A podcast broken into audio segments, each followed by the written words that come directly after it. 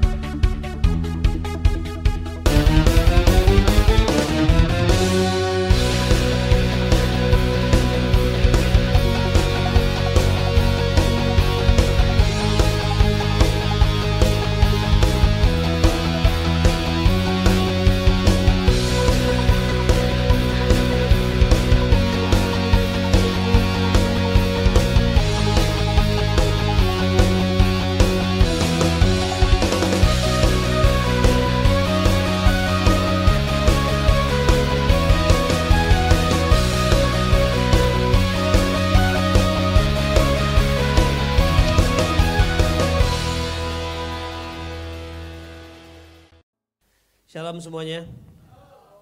Apa kabarnya hari ini? How are you? Amazing ya. Eh, hari ini kita akan belajar tentang discipleship. Apa sih discipleship? Nah, teman-teman kalau kita lihat eh, sadar nggak bahwa Yesus itu mengubahkan dunia? Do you realize that Jesus has changed the world? Ya, Yesus itu mengubahkan dunia. Bayangin dunia yang tadinya kacau balau, ya tadinya iblis berkuasa Alkitab bilang di 1 Yohanes 4 ayat 4 bahwa the devil is the god of this world makanya nggak heran dunia benar-benar kacaunya luar biasa walaupun hari ini masih banyak kekacauan tetapi begitu banyak perubahan yang terjadi di dunia ini karena Yesus Nah, teman-teman kalau lihat bagaimana Yesus bisa mengubahkan dunia. Kalau kita lihat, kita sadar karena ajarannya, amin.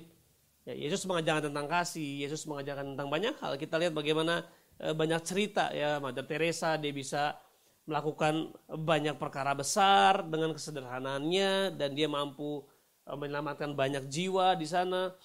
Nah, teman-teman, uh, tetapi walaupun ajarannya penting, tetapi Yesus melakukan dan mengajarkan nilai-nilai kerajaannya dalam konteks pemuritan. Yes, ya mujizat penting, ya. Mujizat penting. Ya, khotbah penting, tetapi semua itu Yesus lakukan dalam konteks pemuritan. Dia pilih 12 muridnya. Ya, itu, kenapa kalau kita mengatakan kita adalah pengikut Kristus, kita harus wajib hidup sama seperti Kristus telah hidup. Kita mau baca beberapa beberapa teks dari sebuah buku. Dia bilang gini, kekristenan tanpa kemuridan adalah kekristenan tanpa tanpa Kristus. Kita baca terus saja ya. Jika ingin menyimpulkan kondisi pemuritan saat ini, maka satu kata yang saya gunakan yaitu kedangkalan dalam buku Greg uh, transforming discipleship. Nah, kenapa, kenapa kedangkalan teman-teman? Karena kita berpikir bahwa ikut Yesus itu masuk ke dalam sebuah agama. Ya, agama mengajarkan sebuah uh, ya ada aturan di situ, ada tata cara dan sebagainya. Nah, pada akhirnya kita mengalami ini, ya. Kita mengalami rasa bosan dalam dalam gereja.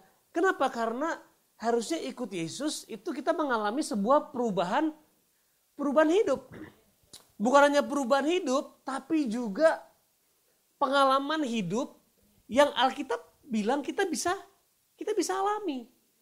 Nah, tetapi karena kita punya konsep kekristenan yang mungkin ya dangkal, kalau saya bilang dangkal, mungkin bahasa lebih tepat tidak sesuai dengan atau tidak pas, tidak sedalam apa yang Yesus ajarkan. Ketika Yesus hadir, eh, ketika nilai-nilai Yesus hadir, ya, lalu diambil, di pick up oleh orang Yunani, di mana Kristen menjadi sebuah, sorry, pertama orang Romawi, ya kita lihat waktu itu eh, kaisarnya menjadi orang percaya, Akhirnya bayangin nggak kalau kaisarnya jadi orang percaya, otomatis orang-orang di bawahnya juga ikut. Tapi apakah dia ikut karena memang percaya sama Yesus atau karena politik? Pasti karena politik. Karena, aduh kaisar gue ikut Yesus, ya udahlah gue ikutlah. Akhirnya ke, kekristenan dari sebuah gaya hidup, katakan gaya hidup. Yesus itu nggak bawa agama, Yesus itu bawa gaya hidup. Dia punya otoritas, dia bawa kuasa, dia bawa cintanya, dia bawa hikmatnya, dan dia ajarkan dalam konteks pemuritan. Dia nggak ngajar banyak orang. Ya memang dia ngajar banyak orang, tetapi dia hanya memuridkan sedikit orang. Ya, dengan 12 orang, lalu 70 murid-murid, Yesus membagikan sebuah gaya hidup. Gaya hidup yang powerful, yang penuh kuasa, penuh cinta. Nah tetapi ketika diambil sama orang Romawi, kekristenan menjadi sebuah politik. Lalu ketika diambil sama orang Yunani, kekristenan jadi sebuah filosofi. Jadi sebuah nilai-nilai doang yang diajarkan, bukan sekedar nilai. Jadi sebuah filosofi lah. Lalu ketika diambil sama orang Eropa, jadi budaya. Orang pakai kalung salib, tato salib lah ada yang pakai. Lalu ada yang pakai baju, sebagai jadi budaya. Lalu ketika masuk ke Amerika, jadi sebuah bisnis.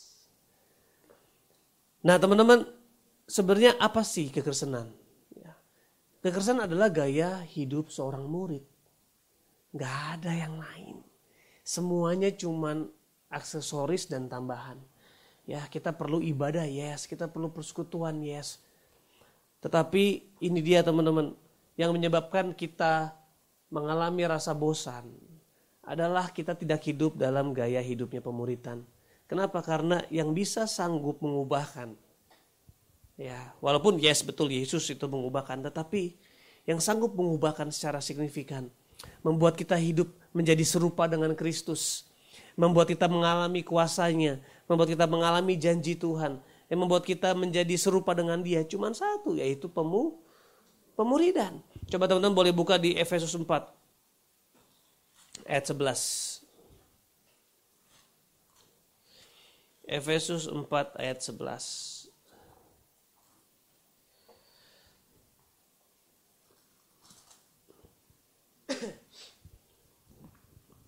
Kita mengatakan gini, dan ialah yang memberikan baik rasul-rasul maupun nabi-nabi, baik pemberita-pemberita Injil maupun gembala-gembala dan pengajar-pengajar untuk memperlengkapi orang-orang kudus bagi pekerjaan pelayanan. Ini yang pertama. Bagi pekerjaan pelayanan. Salah satunya ini yang kita lakukan.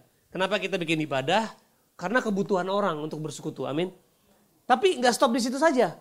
Ya, Gak stop di situ. Nah, pekerjaan pelayanan itu bicara tentang ini dalam bahasa Yunani diakonia. Artinya diakonia itu ya kita lihat kasih makan orang miskin, janda-janda. Itu teman-teman mungkin sudah sering dengar ya diakonia. Tetapi bukan hanya pelayanan pekerjaan doang.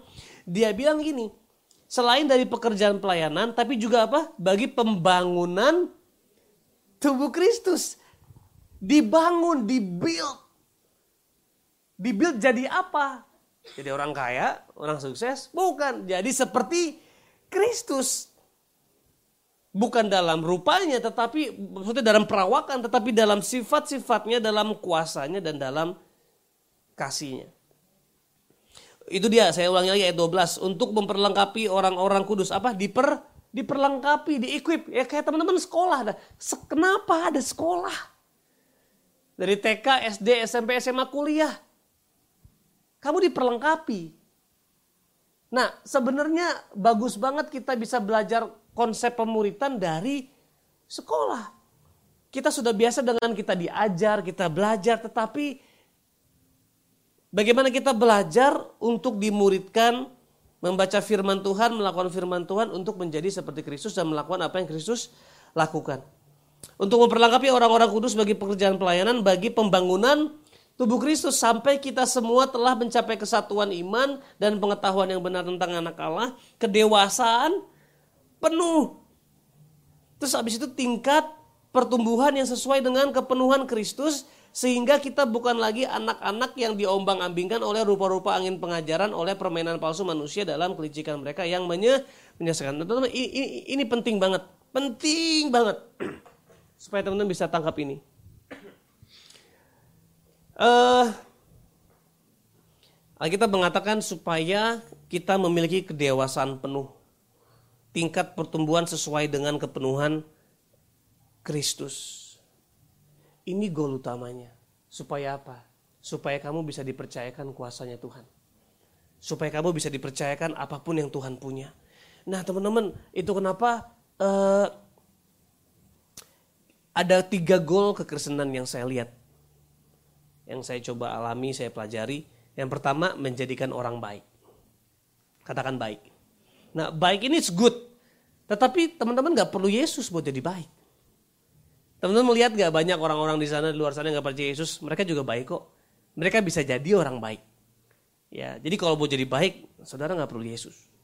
Tapi yang kedua, yang saya rasa ini cukup jauh lebih baik, yaitu jadi ber jadi berkat. Amin. Ya. Kita menjadi berkat. Artinya jadi berkat apa sih? Kamu lagi kesepian, lagi sedih, ada orang datang tolong kamu. Kamu lagi butuh keuangan, ya kamu lagi nggak bisa bayar uang sekolah, ada datang kasih kasih berkat. Kamu lagi butuh cerita, lalu ada orang bener mendengarkan. Itu jadi berkat. Nah tapi teman-teman ini yang saya lihat, saya pun mengalaminya. Ternyata goalnya Tuhan bukan sekedar kita jadi jadi berkat. Tetapi yang namanya pemuritan bukan hanya membuat orang jadi baik, itu penting, itu harus. Pemuritan pasti membuat orang jadi baik, ya, hidupnya jadi baik. Tapi yang kedua, jadi berkat, tapi nggak hanya jadi berkat. Yang ketiga adalah supaya kamu bisa menjadikan orang juga baik dan jadi jadi berkat. Ini yang terakhir pemuritan. Bagaimana kita bisa membagi hidup supaya orang bisa jadi baik, jadi berkat dan mampu membangun orang kembali. So yang pertama to be good, yang kedua to be a blessing, yang terakhir to be a builder. Nah, discipleship is a calling for you to be a people builder. Katakan people builder. Supaya bisa membangun hidup seseorang. Nah, makanya ini Yesus lakukan cuma sama 12 orang. Dia bangun tiap hari, dia ajar, dia utus. Bayangin loh, dikasih kuasa, diutus. And this is what Christianity is all about. Tentang pemuridan. Nah, uh, saya nggak bilang ibadah nggak penting. Saya seorang gembala senior. Saya pendeta di gereja. Saya rindu supaya anak-anak beribadah. Tetapi fokus saya bukan ibadah. Karena orang nggak diubahkan. Bu, ya saya nggak mau bilang ibadah nggak mengubahkan. Tetapi perubahan yang signifikan tidak terjadi di ibadah. Tapi terjadi di hari Senin sampai Sabtu. Apa yang teman-teman lakukan? Itu yang paling penting. Nah, saya mau cerita ini salah satu anak rohani saya namanya Andrew. Saya ketemu dua tahun lalu, saya lagi di gereja, sebuah gereja, saya lagi sharing. Nah Andrew ini nggak pernah datang ke gereja. Orang tuanya ke gereja, tapi dia selalu ke bawah. Dulu masih ada 7-Eleven. Ya cuma ngerokok, main handphone dan sebagainya. Jadi ini bukan orang yang tertarik sama gereja. Lalu karena saya kesaksian tentang narkoba, temennya di atas langsung chatting. Drew, naik ke atas nih. Ini pendeta sama rusaknya kayak lu dulu. Uh, kurang ajar ini ya. Menghina pendeta dia. Lalu Andrew naik, tapi saya sudah selesai khotbah. Akhirnya, habis dua berkat saya turun, lalu Andrew datang. Dikenalin sama temen yang tadi yang WhatsApp. Dia bilang, bang ada yang mau kenalan namanya Andrew dan sebagainya. Bang dia mau ngobrol dong. Oh ya boleh, boleh, boleh. Ngobrol di belakang, masih rame. Dia ngobrol, bang boleh nggak tadi ceritain lagi kesaksian abang? Akhirnya saya cerita. Saya cerita kesaksian dia mulai nangis. Pertama berkaca-kaca. Mulai nangis. Terus mulai pakai kata-kata kotor. Anjir bang, sorry bang, gue nangis bang. Tapi sekali lagi, harusnya hidup orang Kristen itu bukan punya semangat sekedar ibadah, tetapi to see people's life change. Bukan supaya jadi, yes, jadi baik, it's good, jadi berkat itu jauh lebih baik. Dan ini ini, harus teman-teman punya ya. Tapi yang terakhir ini teman-teman, teman harus dilatih gimana caranya untuk build orang menjadi people builder lagi. Nah, singkat cerita akhirnya Andrew nangis terus bang bang malu banget gue sini bang. Kita ngobrol depan deh bang. Ya udah ke depan dia cerita semuanya. Ternyata dia adalah salah satu kurir bandar narkoba di sekolahnya. Dia masih kelas 3 SMA dia salah satu anak paling nakal dia hidup dalam narkoba seks bebas dan sebagainya. Akhirnya ini dia. Saya langsung bilang Drew lu mau nggak buka hati buat bang Radit masuk hidup lu? Nah ini namanya pemu pemuridan Bayangin Andrew ambil dompetnya, bang lu tau gak bang? Dibuka. Dibuka nih.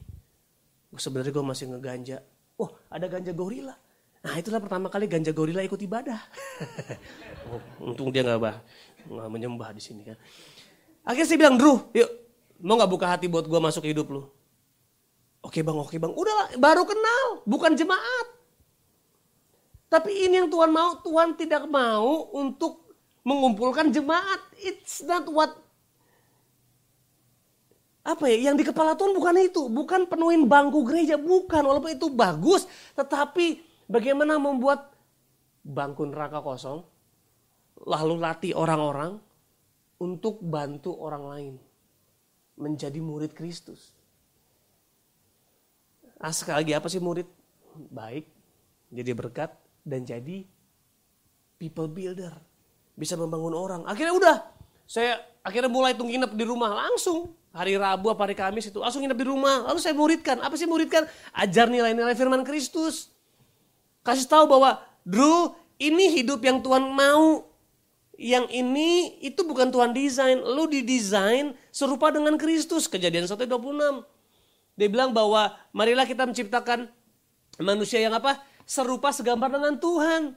Jadi teman-teman boleh lahir di keluarga cuman ada bapak doang, mungkin gak ada mama, mungkin papa mau bercerai, mungkin kamu lahir dari keluarga miskin, mungkin kamu lahir dari keluarga yang gak sayang sama kamu. Tapi sekali lagi, kamu bukan sekedar lahir dari kedua orang tuamu yang melakukan hubungan seksual, bukan. Kamu lahir dari pikirannya Tuhan. Ya. Kamu bukan berasal dari Medan saja. Kamu bukan orang Cina, kamu bukan orang Medan, bukan orang Batak, kamu bukan orang Ambon.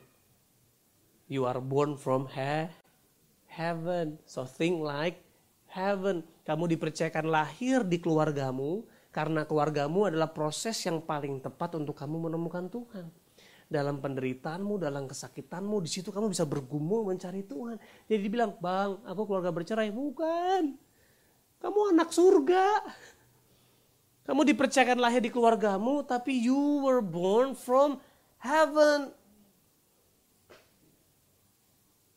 Akhirnya setelah saya ngobrol-ngobrol, akhirnya, Ndru, lu mau nggak? Langsung, lu bagi hidup buat teman-teman lu. Padahal masih ngerokok, masih pakai naruh, masih. Andrew, kita bikin komsel yuk. Bikin persekutuan. Jangkau teman-teman lu. Waduh bang, gimana ya bang? Kan gue paling rusak. Masa gue ngajak mereka bener pasti gue di, dihina-hina dia bilang. Gue yang ngajak hancur dan sebagainya. Akhirnya udah, saya bilang aja, ya udah bilang aja. Nongkrong positif. Saya bilang, ayo kita nongkrong positif. Nah ini kata kuncinya. Ini kalimat kunci. Gak ada orang yang gak mau berubah. Gak ada. Semua orang gak ada yang enjoy bikin dosa, gak ada. Gayanya aja enjoy. Sebenarnya dalam hatinya dia capek. Jadi dibutuhkan Yesus. Semua orang membutuhkan Yesus. But sometimes we fail to represent Christ. Kitanya yang gagal mempresentasikan Yesus. Kenapa gagal? Kita nggak dimu, kita nggak dimuritin. Kita cuma beribadah, tapi kita nggak pernah dimuritin. Pemuritan itu bukan tugas pendeta, tugas semua orang. Kamu bisa masih sekarang SMP, SMA bisa muritin orang. Ngapain sih? Ya kamu harus hidup dalam firman Tuhan. Lalu apa? Lalu bagi hidup. Bantu orang untuk kenal Tuhan. Bertumbuh sama-sama. Lalu cari orang lagi untuk ubah lagi hidupnya mereka. Bantu mereka ketemu Tuhan. Nah akhirnya Andrew lakukan. Tapi pas dia telepon teman-temannya, dia telepon saya. Bang, tapi teman-teman gue gak mau dilarang rokok bang. Wah sedap. Jadi pengen komsel sambil Rokok luar biasa ya. Untung roh kudus nggak bengek kena asap rokok. Akhirnya ini komsel di rumah mama. Saya telepon mama papa, khususnya mama. Mah, aku tinggal di Kuningan kan, orang tuku tinggal di Pondok Kelapa dan mereka tinggal di daerah timur. Saya bilang, mah ini teman-teman pada mau komsel. Anak-anak baru nih, adit lagi jangkau. Ya, boleh nggak mereka sambil ngerokok di rumah? Mama saya jawab lucu. Ah dulu aja kamu pakai narkoba di rumah, udah nggak apa-apa mereka ngerokok di rumah. Ada untungnya juga pakai narkoba dulu ya. Enggak, enggak, enggak, enggak, ya. Jangan, jangan. Sesat itu sesat. Akhirnya mama saya karena dia tahu hidup saya buat jiwa-jiwa, that's that's how apa uh, apa uh, I live my life. Bagaimana saya hidup tuh cuma tentang itu doang. Memang saya orang gembala, ya ibadah iya, tapi hidup saya Senin sampai Sabtu hidup dengan orang itu aja saya punya desire, nggak ada yang lain. Saya nggak punya desire untuk gereja orangnya banyak, no no. Saya rindu kalaupun orang datang itu seorang murid yang benar-benar hidup dimuridkan dan memu memuridkan. Akhirnya terjadilah Komsel Kudus ini. Akhirnya ini orang-orang yang gak cinta Tuhan, lihat aja mukanya kayak Lucifer semua kan. Akhirnya ini Andrew nih. Andrew ngajak nongkrong positif guys. Ya kebetulan waktu itu aku sudah punya YouTube dan sebagainya. Jadi, ih ada Bang Radit Sakti orangnya. Marketingnya jelek banget. Sakti orangnya. Gila, dia ngomong gue sampai nangis gitu lah. Nongkrong tapi nongkrong positif. Saya nggak bilang, eh gitu baca Alkitab. Gak ada. Akhirnya komsel pertama. Kita nggak bilang komsel, nongkrong positif. Nggak ada buka Alkitab, gak, gak ada. Nggak ada pujian penyembahan. Datang langsung bilang, hey sorry gue radit. Guys, gue rindu hidup lu berubah. Kalimat pertama saya. Gue dulu rusak, gue dulu pakai narkoba dan sebagainya, tapi ujungnya apa? Ujungnya gue masuk penjara, ujungnya pacar gue hamil, ujungnya semua hidup gue gak karuan, gue di drop out. Kalau itu yang lo mau, nggak apa-apa, gue dukung. Gue cariin bandar-bandar yang kalau mau sini gue bantu. Tapi pada akhirnya enggak. Iya sih bang, gue sebenarnya capek. Cuman gara-gara apa? Kelihatan keren sama temen-temen. Jadi yang paling nakal, jadi paling heboh karena keren. Yang dunia bilang keren tuh itu. Udah akhirnya kita cuman bersaksi. Saya bersaksi. Beberapa saya ajak temen bersaksi. Nangis guys. Kayak sorry ya, anjing banget hidup lu bang. Kenapa gue nangis ya anjir, kenapa gue nangis? Man. Ya, this is the world. Kalau teman-teman gak siap untuk dengar mereka ngomong gitu, you're not ready to disciple them. Kita harus jadi seperti mereka, tapi kita nggak akan jadi kayak mereka. Paulus bilang kita menjadi seperti orang Yahudi, menjadi seorang Yunani, ya. Apa pun kita bisa fluid jadi mereka. Akhirnya pertemuan pertama, pertemuan kedua luar biasa lagi, walaupun saya nggak ada. Bayangin pertemuan kedua mereka komsel sendiri. Bang kali ini kita mau pas saya nggak bisa. Waduh abang nggak bisa ya, bang. Tapi gini bang, boleh nggak sih bang kita sambil minum? Masya Allah menantang hamba Tuhan ini. Saya bilang, terserah lo. Terserah, yang penting saling sharing. Berbagi dulu apa yang lo alami itu aja. Bayangin, Andrew dia masih, misalnya ambil rokok. Habis ambil minum anggur merah lagi ucap orang tua. Tapi gini, Tuhan ada di situ nggak?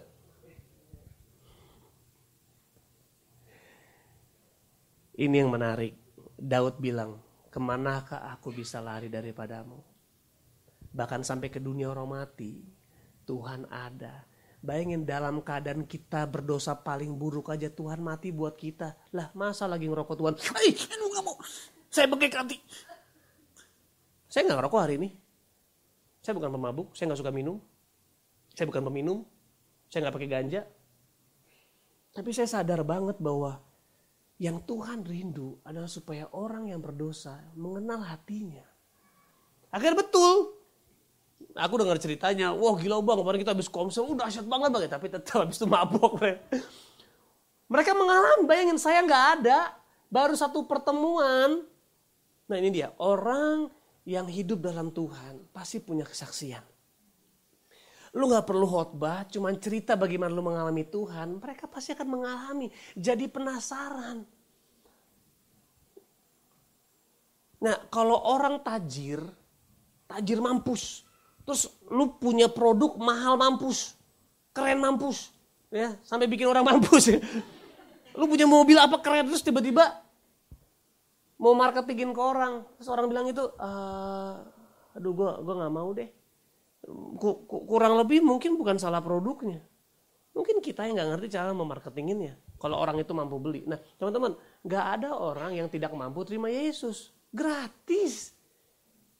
Dan Yesus adalah kehidupan. Tapi kenapa orang gak tertarik sama Yesus?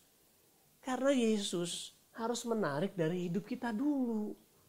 Kalau hidup kita gak ada perubahannya, akhirnya orang juga malas kayak apa sih jadi Kristen? Oh masuk gereja, oh rajin ibadah. Man, sedangkan masih banyak yang di dunia kita bisa lakukan yang mungkin lebih enjoy dari ibadah. Makanya teman-teman ibadah penting banget. Penting, saya nggak bilang ibadah nggak penting. Tapi bagi hidup ini, discipleship amanat agung Tuhan sampai bilang pergi jadikan semua bangsa muridku. Akhirnya pertemuan ketiga ini yang lebih gila. Pertemuan ketiga ada saya. Diajak 27 orang. Dia sewa kafe. Jadi ini anak-anak penabur semua.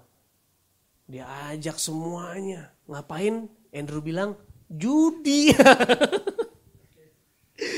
Jadi dia undang orang, guys yuk ketemu yuk.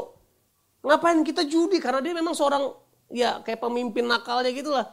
Akhirnya betul dia sewa satu kafe dari ujung sana sampai ujung sana penuh sama orang. Terus Andrew bilang kan, bang kali ini rame bang. Kenapa? Uh gokil banget. Iya bang, soalnya gue bilang judi. Ya aduh Andrew. Nah tapi saya naik ke atas, saya kenalin sama semua. Eh, di sini ruangan ngerokok ngerokok ngerokok.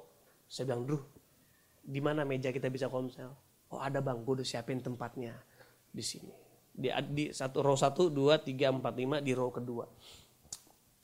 Akhirnya situ kita komsel. Tahu nggak itu orang lewat-lewat anak-anak itu dari lewat cuma nongkrong diam duduk eh jadi ngumpul. Memang nggak semuanya. Ya cuman paling 8-9 orang. Tapi jadi pertanyaan, ada apa di situ? Kenapa itu nangis?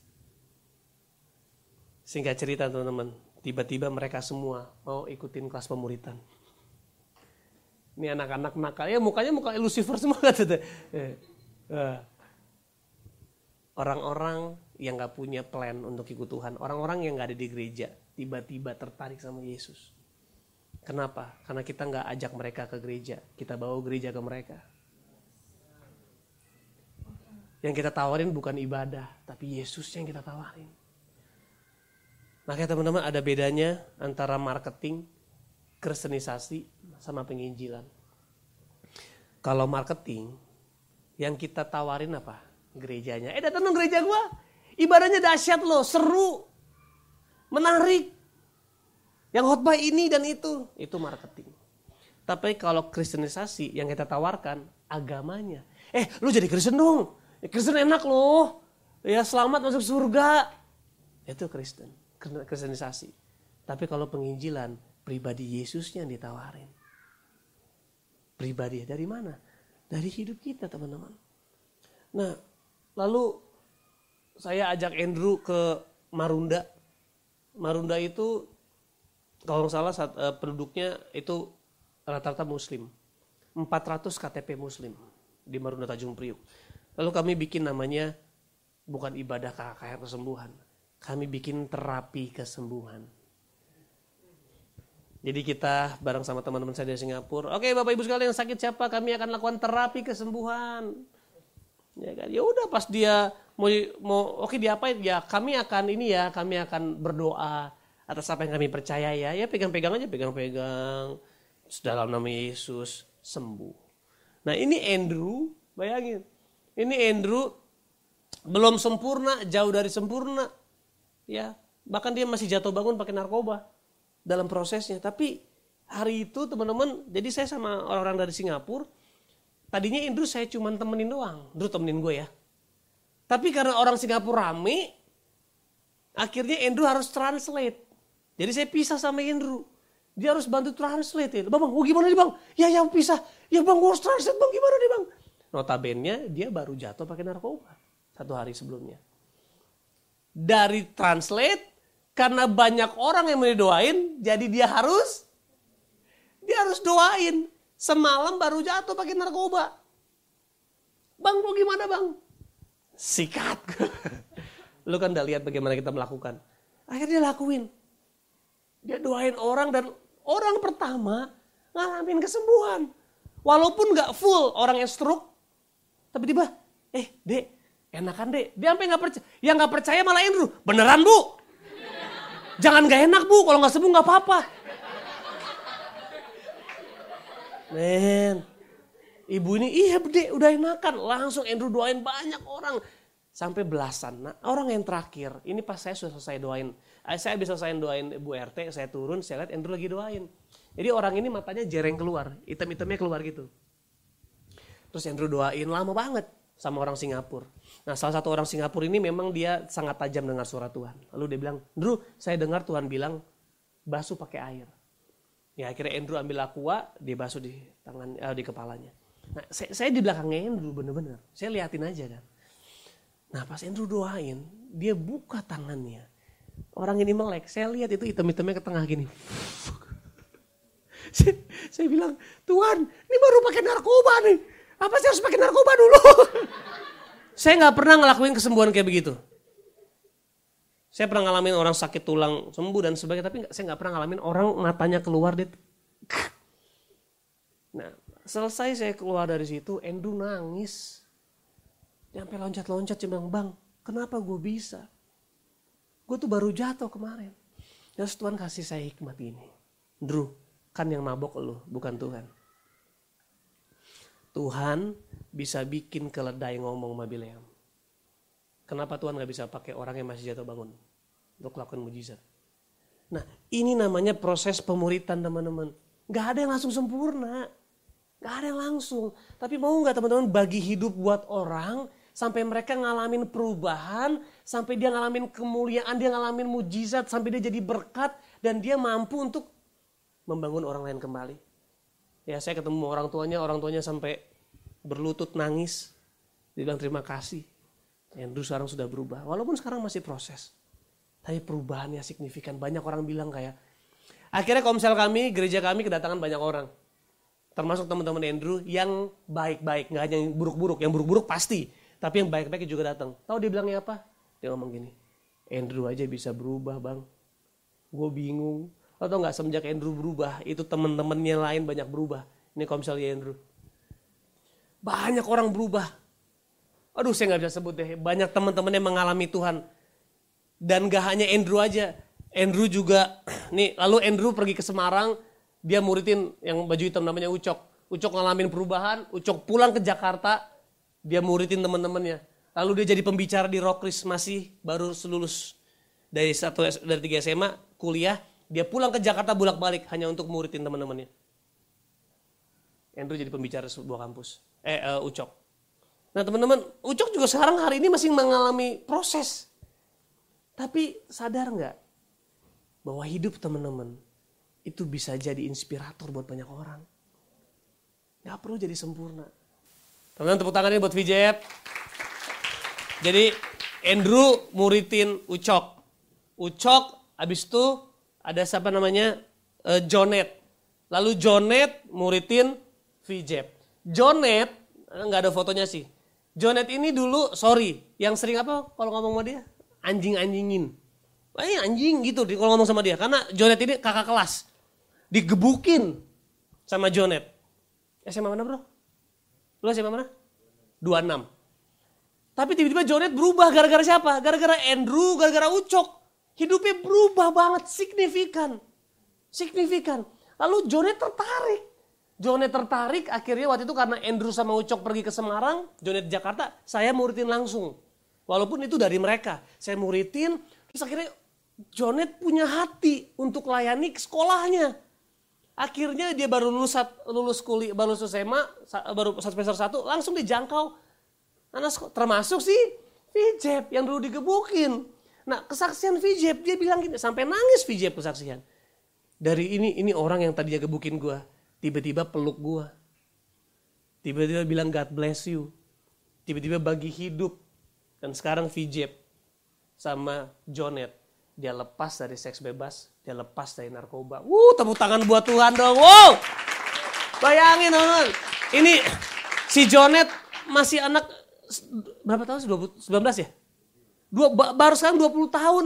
Tapi dia putusin pacarnya yang menurut saya cukup cantik. Karena dia nggak mau hidup dalam seks bebas. Karena dia nggak mau sakitin hati Tuhan. Wow teman-teman.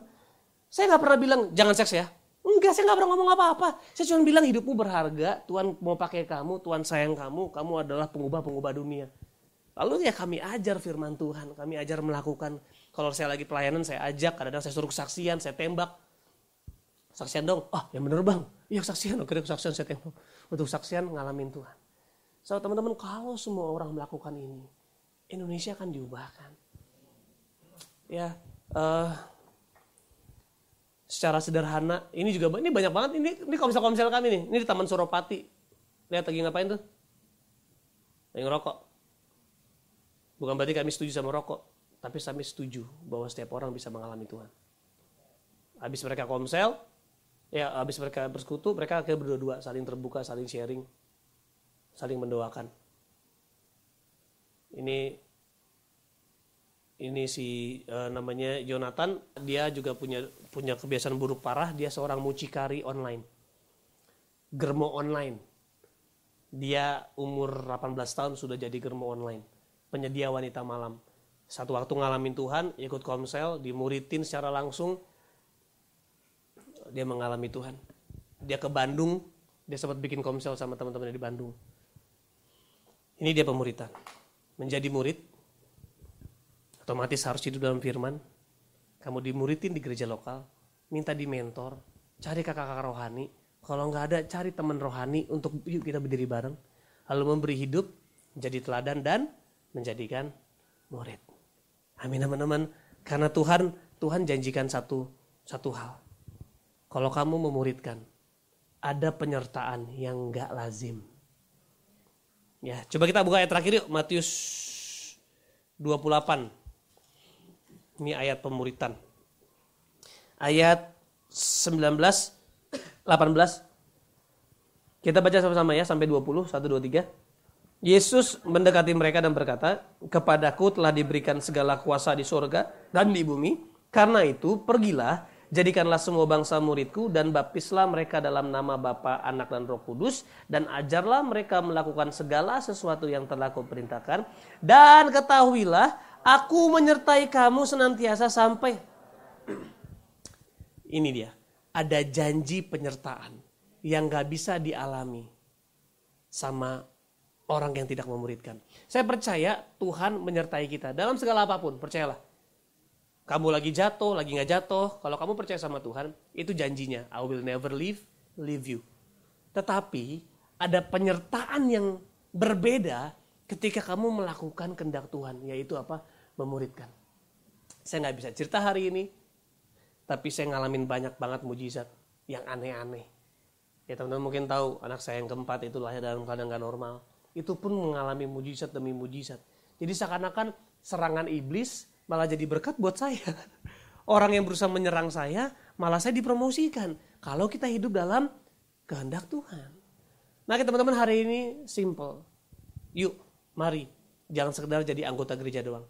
Tapi di gereja ini kamu aktif dimuridkan, jadi pemimpin. Gak perlu punya posisi, tapi punya fungsi. Jadi berkat buat lihat mana yang gue perlu jangkau. Bagi hidup, bro boleh gak ke rumah lo? Ngapain? Ngobrol aja. Eh gue dapat ini loh.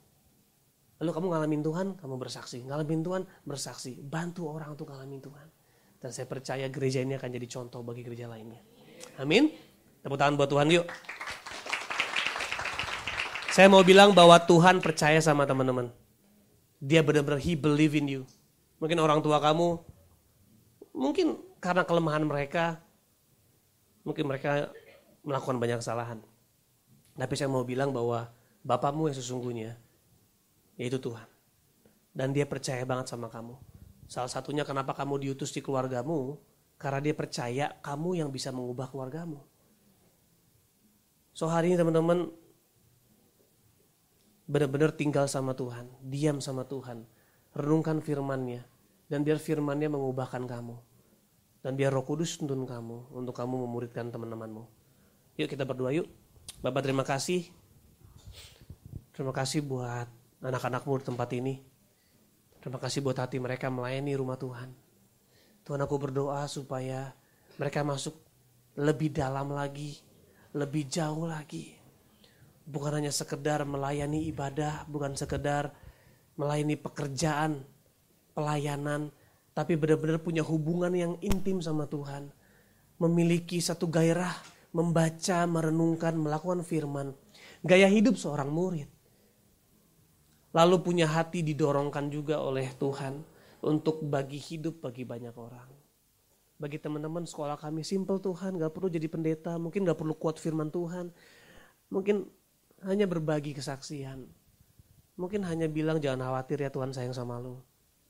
Mungkin hanya berbagi pendapat yang positif. Kalau mereka lagi kecewa sama orang tuanya, mungkin bisa bilang, hei, lu tahu nggak kalau Tuhan udah mati buat lu, dia sayang sama lu. Bahwa lu pasti mampu ngampunin orang tua lu. Menjadi apa ya? Adding values. Membawa nilai-nilai yang yang ilahi dalam hidup seseorang. Tuhan terima kasih. Kami tahu seberat apa pun hidup kami, sejelek apa pun, sekurang apa pun kelihatannya hidup kami, kami telah dipilih Tuhan untuk menjadi terang dan garam dunia. We are chosen. Kita dipercaya dan Tuhan telah menaruh rohnya dalam diri kami. Ini yang membuat kami mampu mengatakan, I can do all things through Christ who strengthen me. Segala perkara dapat kutanggung di dalam dia yang memberi kekuatan kepadaku. So Tuhan terima kasih berkati anak-anakmu Aku percaya ada panggilan yang luar biasa di hidup mereka. Yang gak bisa rusak. Panggilan itu akan tetap sampai Tuhan menjemput mereka kembali. Dosa, bahkan dosa sekalipun. Gak bisa menjauhkan mereka dari Tuhan. Karena Tuhan telah mati menebus mereka dari dosa. So Tuhan bangkitkan gairah mereka untuk hidup dalam kehendak Tuhan yaitu untuk pergi dan jadikan semua bangsa murid. Terima kasih Yesus. Di dalam nama Yesus kami siap untuk diutus.